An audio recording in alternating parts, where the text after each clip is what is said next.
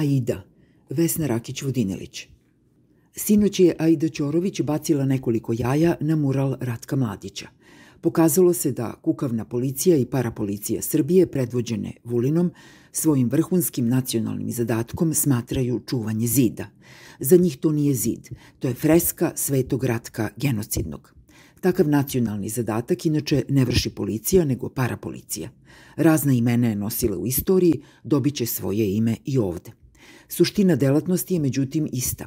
Razbi, ubi protivnike partije i vođe, predstavljajući ih kao neprijatelje naroda. Parapolicija pod pokroviteljstvom fiktivnog ministra unutrašnjih poslova čuva šta više neguje simbol genocida kao srpsku svetinju. Nekoliko živopisnih likova koji liče na sve osim na predstavu o normalnom policajcu bacilo se na sitnu Aidu.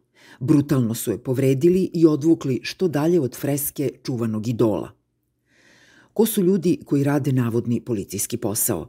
Koliko kriminalaca, sileđija, a naročito fašista, zapošljava Vulinova parapolicija?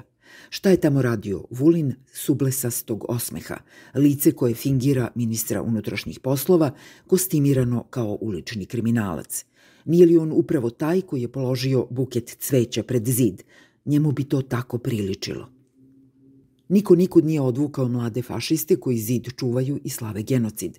Niko od državnih delatnika nije kvalifikovao nasilje nad Aidom kao pir fašizma usred nekada antifašističkog Beograda.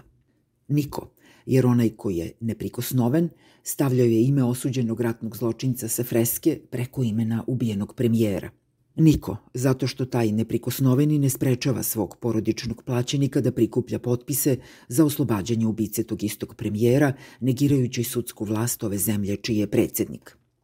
Niko, jer upravo je taj estradnog crnokošuljaša Vulina postavio na mesto civilnog kontrolora policije. Niko, zato što autokrata smatra fašizam neophodnim začinom diktature, nehajući za to da je nešto fašizma uvek previše fašizma. Niko, zato što čuvari zida koju su odvukli Aidu u porodici, školi i iz tabloida uče da je u ratu sve dozvoljeno i da se genocid ne sme nazvati pravim imenom. Niko, zato što se od vrha do dna promoviše agresivni, podcenjivački, patetično lažni model, nazovi mačo petlje, koju informer razumeva kao jaja. A onda je sve to osvetlila Aida. Bacila je jaja, simbol života i rađanja, na lik koji je simbol smrti i stradanja i pokazala ko ovde stvarno ima jaja.